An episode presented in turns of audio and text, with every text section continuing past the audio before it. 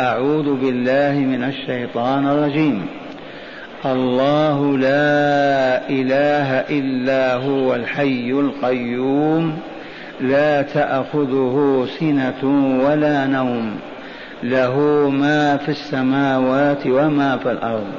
من ذا الذي يشفع عنده إلا بإذنه؟ يعلم ما بين أيديهم وما خلفهم. ولا يحيطون بشيء من علمه إلا بما شاء. وسع كرسيه السماوات والأرض ولا يئوده حفظهما وهو العلي العظيم.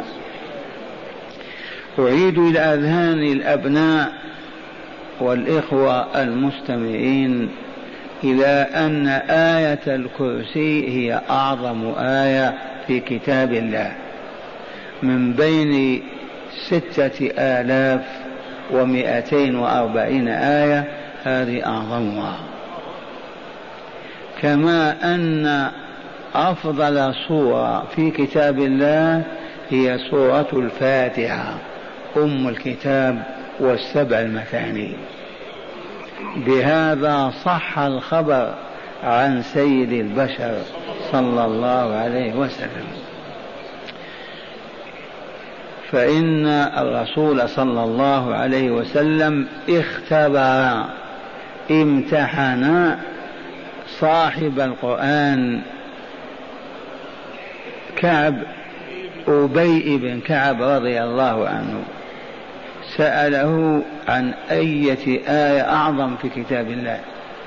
قال الله لا إله إلا هو الحي القيوم. فضرب النبي صلى الله عليه وسلم في صدر أبي وقال ليهنك العلم يا أبا المنذر. وكناه بكنيته تشريفا له وتعظيما.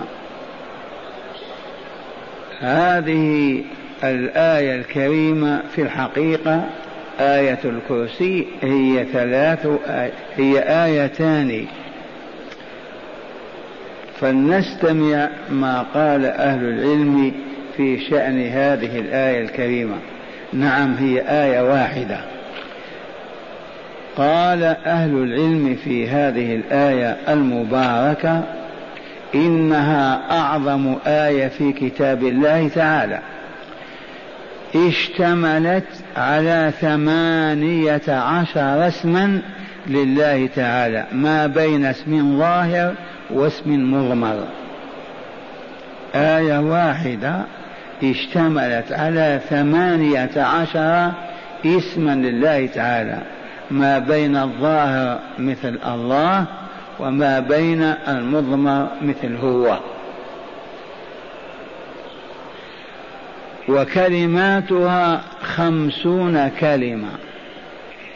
انظر إلى عناية السلف الصالح بكتاب الله. أعدوا كلماتها فوجدوها خمسين كلمة.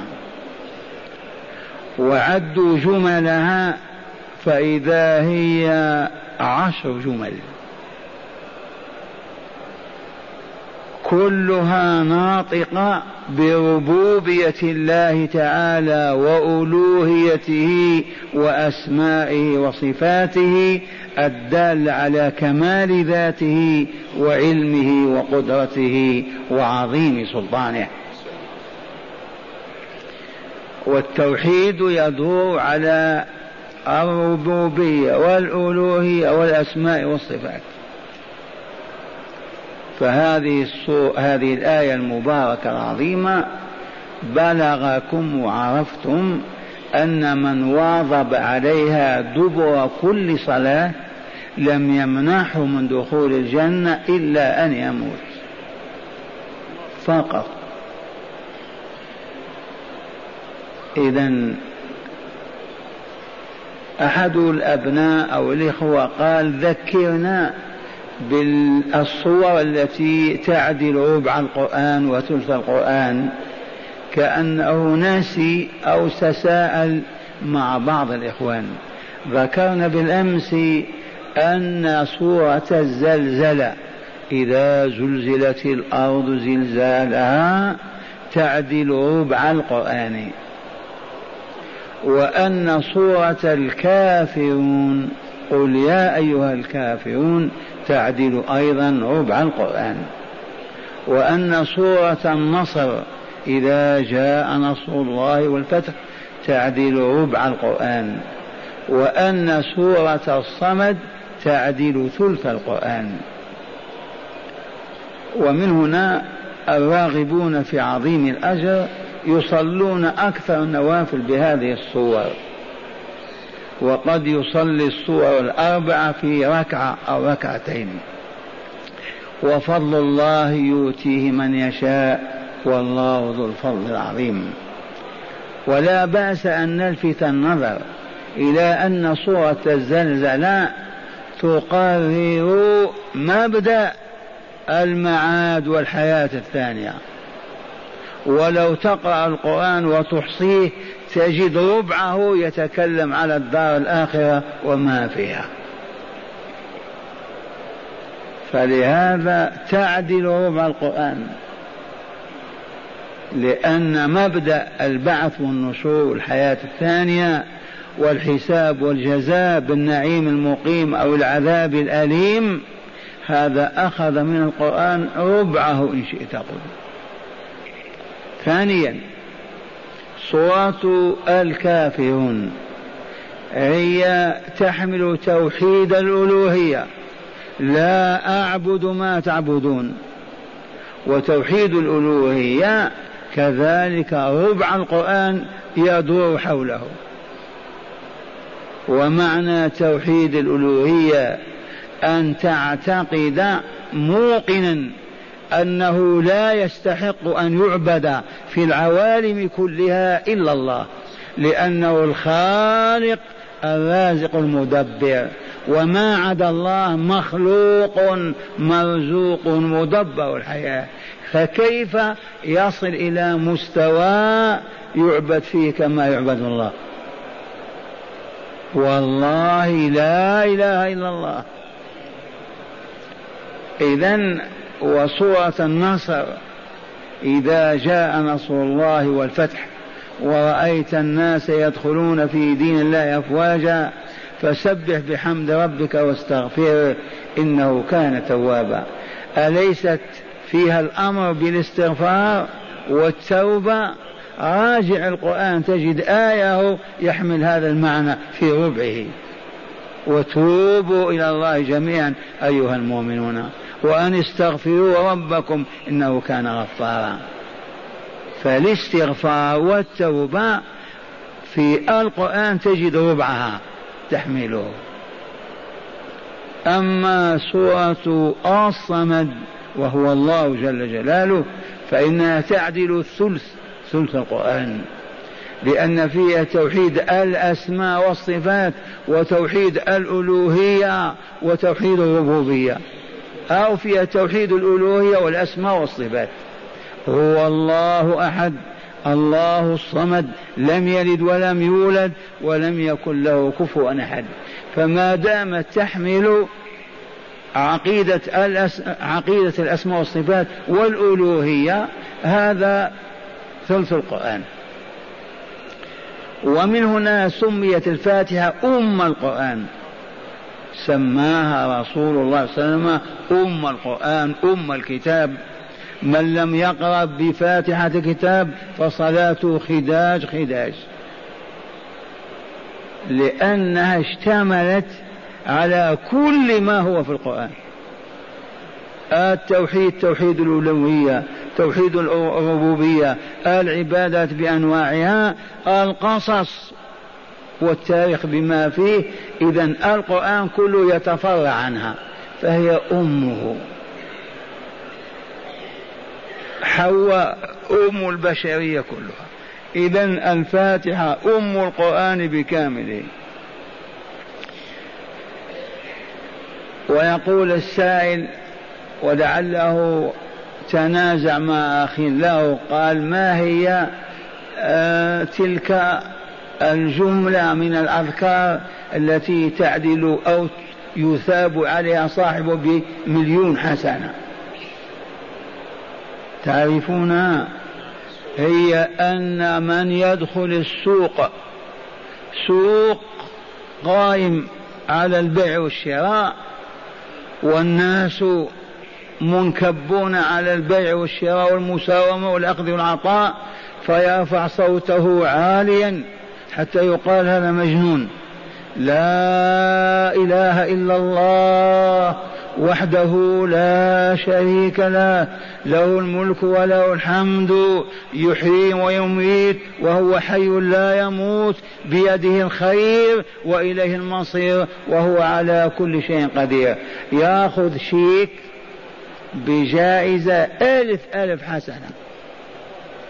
بهذا أخبر أبو القاسم صلى الله عليه وسلم. يعطى ألف ألف حسنة. ألف ألف الآن بالاصطلاح المعاصر مليون. على شرط أن لا يجبن أو يستحي أو يخاف. يرفع صوته عاليا. حتى أهل السوق كلهم يتطلعون إليه. أعلى صوت. ثم ثلاثة أرباعهم يتراجعون عن الغش والكذب والتكالب على الدنيا. أصلح السوق بهذه الكلمة حيث البلدية تعجز عن إصلاحه. طول العام وهي تتابع. تحفظونها وإلا لا لا إله إلا الله وحده لا شريك له له الملك وله الحمد يحيي ويميت وهو حي لا يموت بيده الخير وإليه المصير وهو على كل شيء قدير ويمشي. يتركهم يفكرون. والآن مع آية الكرسي لما سميت آية الكرسي لذكر الكرسي فيها هذا هو السبب. قال تعالى بعدما نادانا إلى الإنفاق والبذل والعطاء وحذرنا من يوم لا بيع فيه ولا خل ولا شفاعة والكافرون بجحود النعم وكفرانها الكافرون بالله عز وجل مولاهم هم الظالمون. قال تعالى الله لا إله إلا هو. هو الذي ينجيكم ويفرج عنكم وييسر أمركم فافزعوا إليه. بالإنفاق في سبيله والتوبة إليه والإقبال على عباداته. الله. الله هذا اسم علم على ذات الله. الاسم مأخوذ من السيمة أي العلامة. سمته كذا وكذا علامته كذا وكذا. إنسان مثلي هذه الذات كيف نعرفها من بين الذوات؟ ضع عليها علامة. هذه العلامة تسمى الاسم أبو بكر. يعرف به فذات الله عز وجل التي لا تشبه الذوات ومن خطر بباله تصور هذه الذات أو البحث عن كيف فقد أخطأ وزلت قدمه والله ما يدرك شيئا. عقولنا محدودة الطاقة كآذاننا وأسماعنا كأعيننا وبصرنا كنطقنا كذاتنا محدودة. هل يستطيع أحدنا أن يدرك بعينيه هكذا تلك الجراثيم في الأمراض؟ ما يستطيع. انظر الآن هنا هذا الهواء فيه جراثيم. بمكبرات الرؤية تراها. انظر أنت ما تستطيع. سمعك تسمع ما شاء الله أن تسمع. في حدود معدودة أكثر من ميل أو ميلين ما تسمع الصوت أبدا. بصرك تبصر أيضا. مدى محدود لا تتجاوز أبدا. صوتك ترفعه الله أكبر. ينتهي إلى مدى محدود. ما يصل إلى كل مكان. طاقتك البدنية تحمل القنطار والقنطارين وتعجز عن الخمسة والعشرة. ارفع ما نستطيع. انتهت القدرة.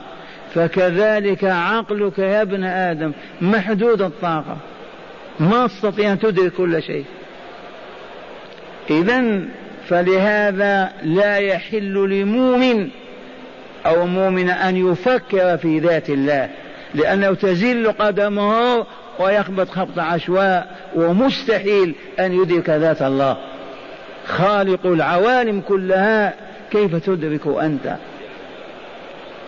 تفكروا في آياته ولا تتفكروا في ذاته لأنكم عاجزون عن إدراك الذات الإلهية. فالله اسم علم في اسم علم وفي اسم نكيرة. رجل نكيرة وإلا لا؟ إنسان امرأة لكن امرأة ما اسمها؟ زينب. علم عليها ولا لا؟ رجل أي رجل؟ إبراهيم. علم على ذات الرب تبارك وتعالى. فمن أراد أن يناديه فليقل يا الله يا الله. وإن شاء قال اللهم اللهم حذفت ياء النداء لقربه تعالى وعوضت عنها الميم المشددة فقالت العرب اللهم. هذه الميم عوض عن ياء النداء.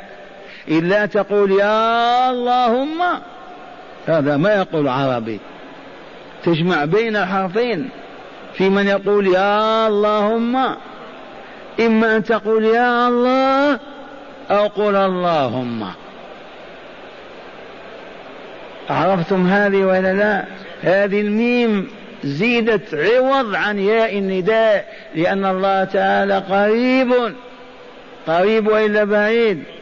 ما يكون من نجوى ثلاثة إلا هو رابعهم ولا خمسة إلا هو سادسهم ولا أدنى أقل ولا أكثر إلا هو معهم. أينما كانوا؟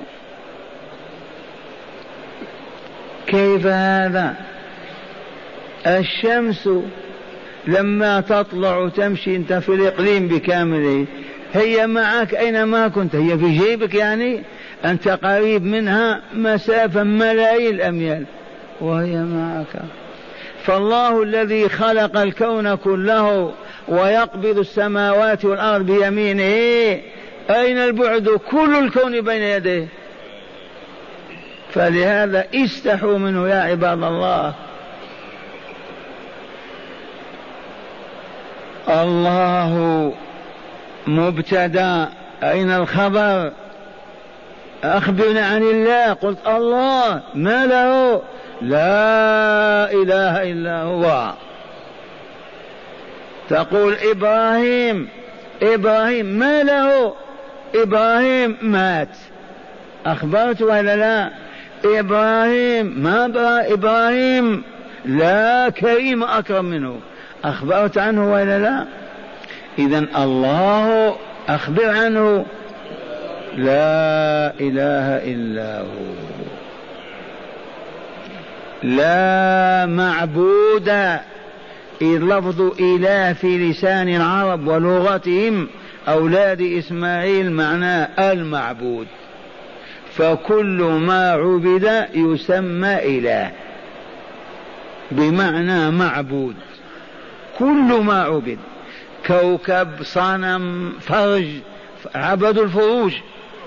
شهوة هوى كل ما عبد يقال فيه إله في لغة العرب التي نزل بها القرآن.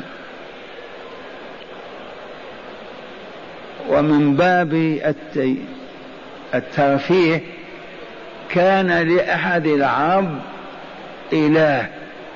في واد من الأودية في شعب من الشعاب صنم ويأتيه ليتمسح به يدعو يتبرك به يستغيث ينذر النذور له يذبح. فجاء يوم من الأيام فوجد ثعلب قد رفع رجله ووضع على كتفه ويبول عليه.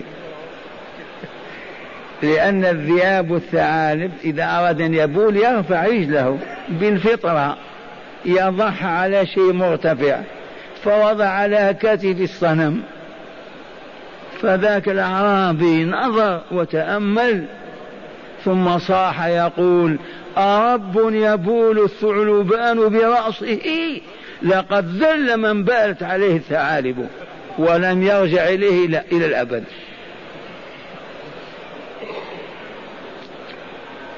لا تعجب. الآن المسيحيون البصراء العارفون طاروا في السماء زعموا وصلوا القمر وكذبوا. الآن الصلي في أعناقهم يعبدونه. هذا الصليب مصنوع من الذهب أو الحديد. هذا هو الله. تعالى عن ذلك أو كبير. رب يبول الثعلبان برأسه. لقد ذل من بالت عليه الثعالب. وإلى ما ذل؟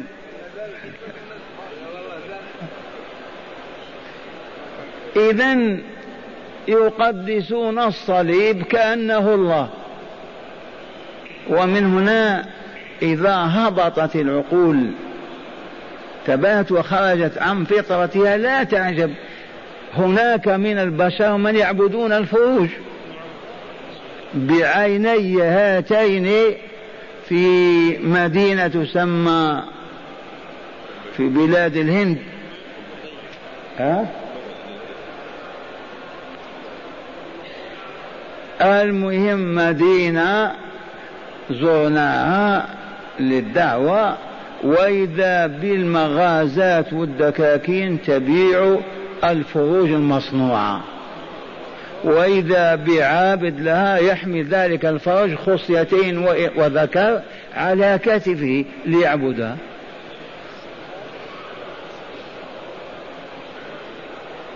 عبدوا الصور والتماثيل هبطوا وعبادتهم هذه ناتجة عن الخوف الفطري والفقر الفطري والحاجة الفطرية.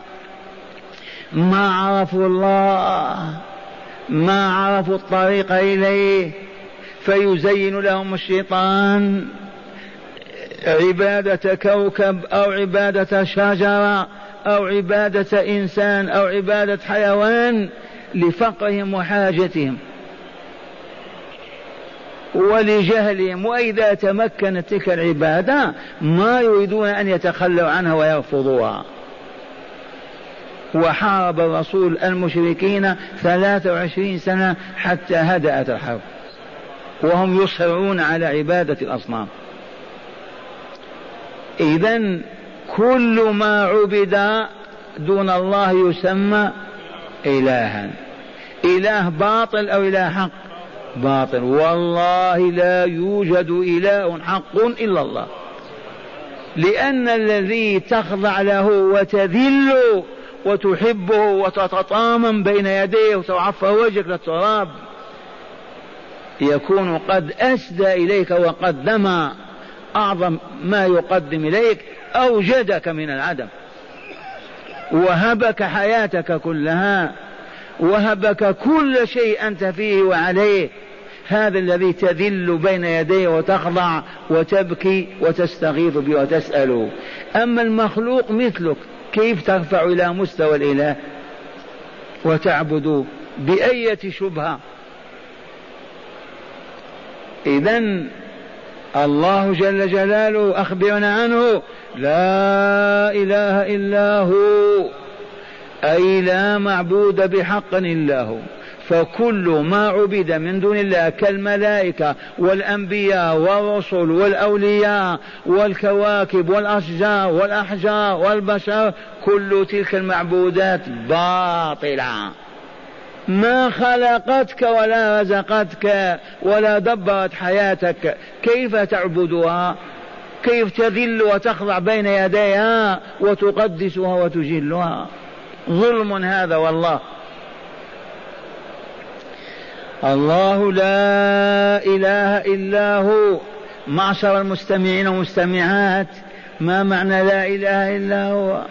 لا يوجد لا في العوالم العلوية ولا السفلية من يستحق أن يعبد بأن يدعى ويستغاث به ويتملق إليه ويتزلف بذكر أسمائه بطاعته في أمر ونهي لا يوجد إلا واحد.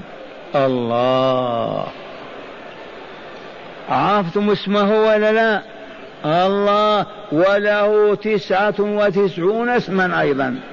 هذا واحد منها. إن لله تسعة وتسعين اسما. مئة إلا اسما واحدا هذا الذي نزل به القرآن وبينه الرسول الكريم. وقد تكون له أسماء أخرى يعلمها هو. أطلع عليها من شاء من أنبيائه ورسله. وقد أشار إلى هذا النبي صلى الله عليه وسلم في دعائه. أسألك بكل اسم هو لك سميت به نفسك أو أنزلته في كتابك أو علمته أحدا من خلقك أو استأثرت به في علم الغيب عندك. أن تجعل القرآن العظيم ربيع قلبي ونور صدري وجلاء حزني وهمي وغمي. أنا أزيد وشفاء مرتي ما تزيدوا أنتم؟ الله لا إله إلا هو الحي القيوم. اسمان عظيمان. الحي عرفتم؟ الحي أصل الحي. كالحذر. سكنت الياء وأدغمت في الياء. فصارت الحي. ذو الحياة الدائمة التي لم يسبقها عدم ولا يطرأ عليها عدم. كل الموجودات مسبوقة بعدم وتنتهي بعدم. إلا الله. فإنه الحي الدائم الحياة التي لم يسبقها عدم ولم يلحقها عدم. وما عدا الله من الملائكة من كل المخلوقات ما كانت موجودة وأوجدها ويعدمها ودرستم في البخاري باب كان الله ولم يكن شيء غيره. وقال للقلم يا قلم اكتب. فكتب. الله الله. لو لو نعرف الله معرفة حقيقية نصعق نستحي فقط أن نتكلم باسمه لجلاله وعظمته. فكيف إذا بأن نجايره بمعاصيه؟ لكن تدبير الله. الحي الدائم الحياة التي لا تشبع حياة المخلوقات الموهوبة لهم منه تعالى. حياة لا ابتداء لها ولا انتهاء لها. وقع من سورة الحديد هو الأول والآخر والظاهر والباطن وهو بكل شيء عليم. هو الأول لا أول قبله والآخر لا آخر بعده. آمنا بالله. أمسك بلحيتك وقل آمنا بالله. القيوم. القيوم الذي قام بكل شيء. العوالم كلها يدبرها وهو قائم عليها. ولولا قيوميته لخرب العالم من آلاف السنين. لاصطدمت الكواكب ببعضها واحترق الكون. القيوم. الذي أمر الدنيا والآخرة كله هو القيم عليه. يديره ويدبره القيوم بمعنى القيم لكن أبلغ من القيم. كثير أو كبير القيومية. الله لا إله إلا هو الحي القيوم. لا تأخذه سنة ولا نوم. لا تاخذه سنه أي لا ياتيه النعاس. السنة مقدمة النوم أو مقدمته تسبقه. عندنا آية يقول تعالى ومن آية منامكم بالليل والنهار. سبحان الله هذه آية دالة على قدرة الله ووجود الله وعلم الله. سبحان الله. نعم. من يأخذ مليون ريال ينام هاتي. تفضل. مليار دولار. قل وأنت نايم؟ هاتي. أو فيه يعني ممكن. ومن آيات منامكم من الليل والنهار والله لولا الله ما نمنا. ولا عرفنا النوم كيف النوم ولولا الله ما استيقظنا أيضا. نام ولم يستيقظ. فكوننا ننام ونستيقظ هذا مظاهر تدبير الله وقيوميته لخلقه وعباده. أو ما فهمتم بربريتي. هل يستطيع إنسان يقول اسمع أنام ونام ادفع حرك نايم هاتي. يملك هذا أحد؟ ما يملك. فالله جل وعز لا تأخذ سين أي نعاس ولا نوم أبدا. وكل هذه المخلوقات مفتقرة إلى النوم والراحة. حتى الحيوانات تنام وإلا لا؟ هذا الذي ينام ويستيقظ كيف تدعوه مع الله؟ يا سيدي عبد القادر يا مولاي إدريس يا رسول الله يا فاطمة يا حسين أنت تتحدى الله يعني؟ ما تستحي؟ يا شيخ لا تلمهم ما عرفوا. إي والله والله ما عرفوا. تنادي من أنت تغيظ الله؟ تؤله مخلوق من مخلوقاته وتقبل عليه بلسانك وقلبك وتناديه أن يفعل يفعل. كيف يتم هذا؟ يتم بالجهل. ما عرفوا. من علمهم؟ إذا لا تأخذوا سنة ولا نوم. يروى أن أحد الرسل أو الأنبياء سأل ربه كيف لا تنام يا ربي؟ فأمر أن يضع في كفيه شيئا وينام. وإياك أن يسقط هذا الكاس المملوء باللبن في يديك ها؟ أنت قوي قادر على الكاس ولا لا؟ أمسك كاس في يمينك كاس في شمالك مملوء باللبن. العذب الحامض. ونام ويبقى هذا في كفيك. أخذ النعس كل ما يميل يندفق الكأس بما فيه. يملأ تأخذه السينة يسقط الكأس من يديه قال فالذي يدير الكون لو كان ينام ما يستقر ابدا الكون والحياة. مستحيل. يخرب في يومه الأول. لا تأخذه سنه ولا نوم. له ما في السماوات وما في الأرض. هل بلغكم أن إنسانا أو ملكا يملك المنطقة الفلانية في العالم؟ هاتوا ما هكذا نكرة اسم موصول يشمل هذا اللفظ كل كائن. له ما أي أي موجود في السماوات وفي الأرض هو ملك لله. إذ هو خالقه ومدبره. ومالكه. وغير الله لا يملك. إذا كيف تدعون غير الله؟ أنتم تعرفون أن إبراهيم أو عثمان أو عبد القادر لا يملك شيئا. وتدعوه وتناديه. أنت بهلول ولا مجنون؟ تأملوا. هل آمنتم أن لله ما في السماوات وما في الأرض ولا لا؟ فإذا كان هو المالك لها وهي له وبيده هل يجوز طلب شيء منها من غيره؟ ما يجوز.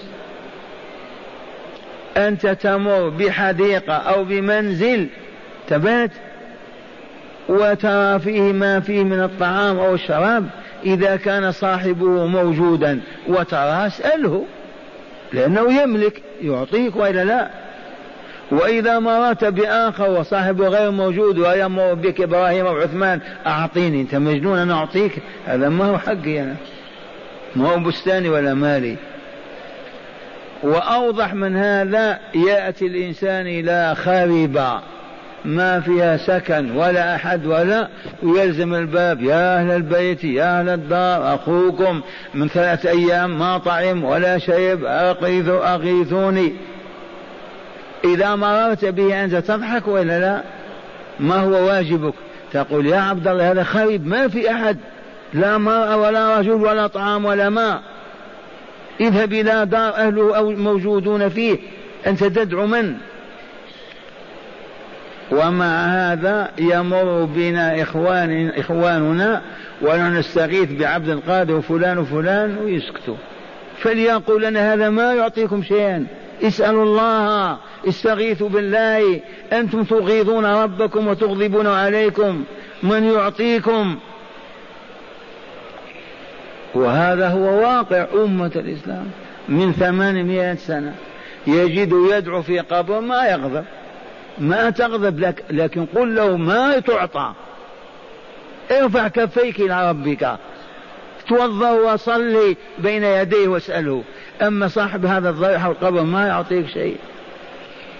لعلي واهم والله لو كان في الإمكان إجراء عملية اختبار نبعد الهيئة والعسكر من حول الحجرة نقول تدفقوا. إذا لم تروا إخوانكم من الشرق والغرب يركعون ويتمسحون ويبكون ويستغيثون اذبحوني. الآن مع ما انتشر من الوعي والسلفية والتوحيد. لعلي واهم. إذا له ما في السماوات وما في الأرض من الكائنات كلها مياهها وأنهارها وذهبها وفضتها وكل ما فيها فمن أراد أن يسأل فليسأل الله. معنى هذا قصرنا عليه. تريد طعام شراب حياة هو مالكها فلا تفت إلى عزة ولا منات ولا عائشة ولا مريم ولا عيسى. صح وإلا لا؟ أو العبارة ما هي واضحة؟ له ملك وإلا لا؟ ما في السماوات والأرض. من كل الخيرات. منين نطلب إذن؟ نطلب من إبراهيم ما يملك. نطلب من محمد صلى الله عليه وسلم ما يملك. منين نطلب؟ في غزوة ثقيف التي غزاها الرسول صلى الله عليه وسلم عام الفتح. بعد ما دخل مكة في السنة الثامنة استراحوا يومين ثلاثة وبلغهم أن ثقيف تتجمع. هيا نخرج إليهم. لما خرج القائد الأعظم صلى الله عليه وسلم وإذا بمسلم أمس ومن ثلاث أيام مروا بشجرة كانوا يعلقون نبالهم وسيوفهم ورمحهم عليها ثم يغزون يتبركون. فقالوا يا رسول الله اجعل لنا ذات أنواط ننيط بها سلاحنا البركة ونحن غازون الآن. فتعجب الرسول وقال ما زدتم أن قلتم كما قال بنو إسرائيل لموسى اجعل لنا إلها كما لهم آلهة.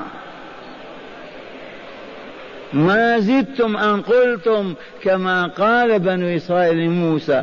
لما نجى الله موسى وبني إسرائيل من فراعنة مصر وخرجوا وشق لهم البحر وقطعوا وصلوا إلى الأرض.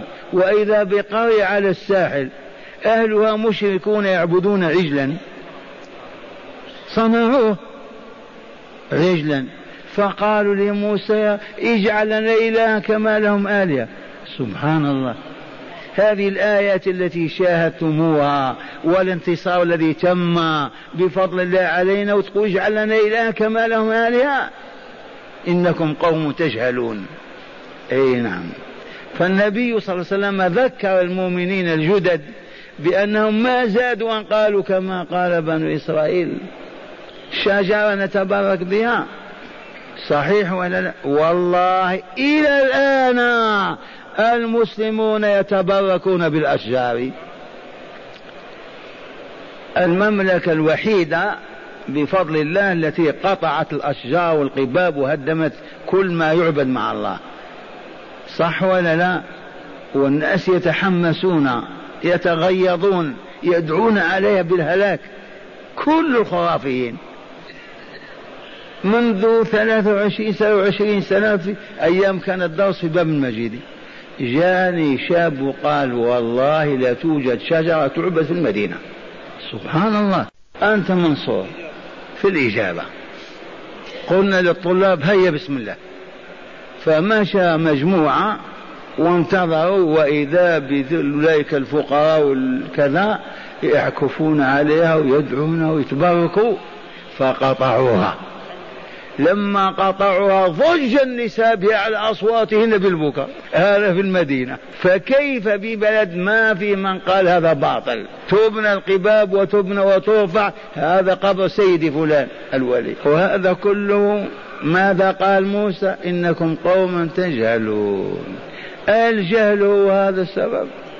والله لولا ما علمنا الله لكنا كآبائنا وإخواننا. وإلى الآن الذي ما يتعلم لن يكون إلا مثل آبائه وأجداده. العلم. لا نعم له ما في السماوات وما في الأرض. عرفتم هذا؟ في قطعة لآخر في حبة عنب لآخر لا يسأل إلى الله. ثم قال من ذا الذي يشفع عنده إلا بإذنه؟ هاتي. خلي يعقد الجن مؤتمر والملائكة مؤتمر والبشر لعلهم يعثرون على من يشفع بدون إذن الله.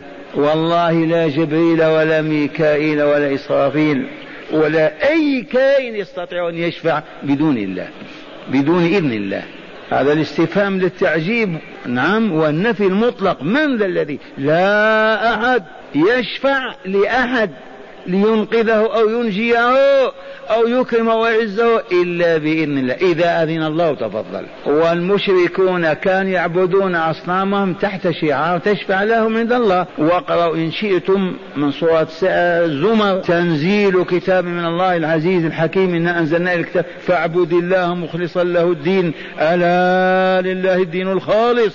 والذين اتخذوا من دونه أولياء ما نعبدهم إلا ليقربونا إلى الله زلفى. ما نعبدهم لأي غرض آخر إلا ليقربونا إلى الله عز وجل فيقضي حوائجنا. والآن عبدة القبور. يقول لك أنا ما نعبد سيدي ولكن نستشفع به فقط. كيف تعبده ما تقول يا سيدي أنا بين يديك أنا كذا أسأل الله لي أفعل بي كذا. هذه العبادة. ما هي العبادة؟ اطراحك بين يدي الله وسؤالك حاجتك. إذا من ذا الذي يشفع عنده؟ قولوا لا أحد ولا تتردد. وهنا الشفاعة العظمى فاز بها أبو القاسم صلى الله عليه وسلم. وقد استعرضنا مواقف عرصات القيامة وشاهدنا. ما من رسول يقول لا لا لا لا عليكم بفلان. لما يأتون النبي صلى الله عليه وسلم ما يقول أنا لا لسابق علم الله له بها إذ جاء من سورة الإسراء عسى أن يبعثك ربك مقاما محمودا. أي مقام محمود يحمد أهل الموقف أجمعين عليه. هو أن يشفع لهم عند الله ليدخلهم الجنة لا ليقضي بينهم فقط ليحكم طال الزمان وطالت المدة خمسون ألف سنة وهم وقوف. ثم ماذا علمنا؟ قال ما نستطيع يا ربي لقد وعدتني. أقضي بين عبادك.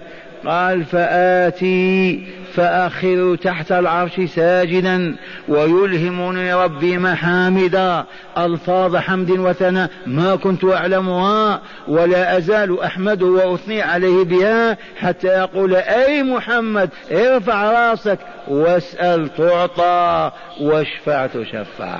ثم يأخذ الله عز وجل في فصل القضاء يحكم بين الناس. هذه الشفاعة العظمى صاحبها واحد. من هو هذا؟ محمد رسول الله صلى الله عليه وسلم. في شفاعات للرسول غير هذه متعددة. منها وهي أعظم شفاعة أن يخرج من دخلوا النار من أهل التوحيد يشفع لهم فيخرجهم الله منها. شفاعة أخرى. إذا قلت أنا ما ندخل النار ما نحتاج إلى شفاعة الرسول. في شفاعة يقدمك على غيرك في حسابك وجزاك. شفاعة يرفعك إلى مستويات ما كنت تصل إليها. تبات. يسأل الله عز وجل فيعطيه. ما عدا النبي صلى الله عليه وسلم لا يستطيع أحد أن يشفع لآخر إلا بشرطين. الأول أن يأذن الله له بالشفاعة يا عبدنا فلان أنت من حضرة القرآن التالين له بالليل والنهار اشفع في أمك خديجة. يقول خديجة شفعني ربي تعالي إلى الجنة. إذن هو إلا لا. ثانيا أن يكون الله قد رضي عن المشفوع له بأن, ينا بأن ينزل بجواره وإذا لم يريد الله أن ينزل هذا في الجنة ما تنفع شفاعة. واقرأوا الآية الموضحة وكم من ملك في السماوات لا تغني شفاعتهم شيئا إلا من بعد أن يأذن الله لمن يشاء من الشفعاء ويرضى عن المشفوع له.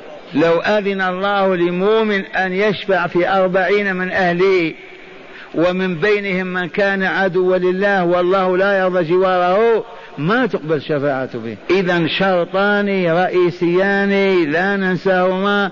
الأول لا شفاعة إلا بإذنه. إن أذن اشفع والذي تشفع له لا كما تحب أنت. على شرط أن يكون راضي عنه أن يدخل الجنة.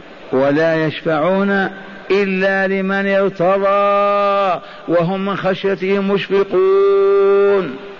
لكن آية النجم واضحة. وكم من ملك في السماوات لا تغني شفاعتهم شيئا إلا من بعد أن يأذن الله لمن يشاء ويرضى. وهذا إبراهيم الخليل في عرصات القيامة كما تبين وعلمنا يقينا. أخبار أبي القاسم الصحيحة إبراهيم في ساحة فصل القضاء يقول يا رب لقد وعدتني ألا تخزيني يوم يبعثون وهذا أبي الأبعد في النار فأي خزي أخذ من هذا؟ فيقول له الرب تبارك وتعالى إبراهيم انظر تحت قدميك. فينظر كان رافع رأسه. وإذا بأبيه آزر في صورة ذكر الضباع ملطخ بالدماء والقيوح. فيصرخ إبراهيم ويقول سحقا سحقا. فيؤخذ من قوائمه الأربع ويلقى في أتون الجحيم. والخليل يقول سحقا سحقا بعدا بعدا. وهذا رسول الله صلى الله عليه وسلم يرد عن حوضه جماعات من أمته يدفعون عن الحوض. فأقول ربي أصحابي ربي إخواني فيقول إنك لا تدري ما أحدثوا بعدك. فأقول سحقا سحقا. ويطردون. والقضية عند أهل الحلقة واضحة كالشمس. صدر حكم الله جل جلاله وعظم سلطانه على الأبيض والأصفر على الأول والآخر أنه لا يدخل الجنة إلا من زكى نفسه وطهرها بالإيمان وصالح الأعمال. وأبعدها عما يدسيها من الشرك والمعاصي. إذ أقسم الجبار قسما لم نرى غيره مثله في القرآن. اسمع هذا القسم والشمس وضحاها والقمر إذا تلاها والنهار إذا جلاها والليل إذا يغشاها والسماء وما بناها والأرض وما طحاها ونفس وما سواها فألهمها فجورها تقوى أي قسم أعظم من هذا؟ كم قسم؟ على ماذا؟ على الحكم التالي. قد أفلح من زكاها وقد خاب من دساها.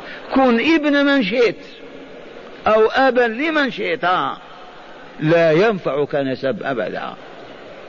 فقط هل عملت على تزكية نفسك وإلا لا؟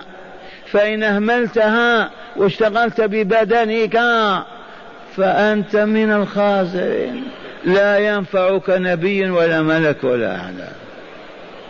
قد أفلح من زكاها كيف يزكيها؟ يطيبها يطهرها وقد خاب. ما معنى خاب؟ خاسر. خاسر الجنة ونزل في دار البوار النار. هذه الآية الذين عرفوا معناها يتحاشون أن يقول كلمة سوء. تدسي نفسه أو نظرة محرمة ما يطيقها. حفاظا على زكاة نفسه وطهارتها.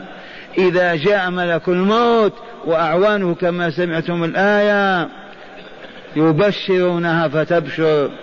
إن الذين قالوا ربنا الله ثم استقاموا تتنزل عليهم الملائكة ألا تخافوا ولا تحزنوا وأبشروا بالجنة التي كنتم توعدون. معاشر المستمعين نكتفي بهذا القدر لأننا أرهقناكم والأذان على الأبواب.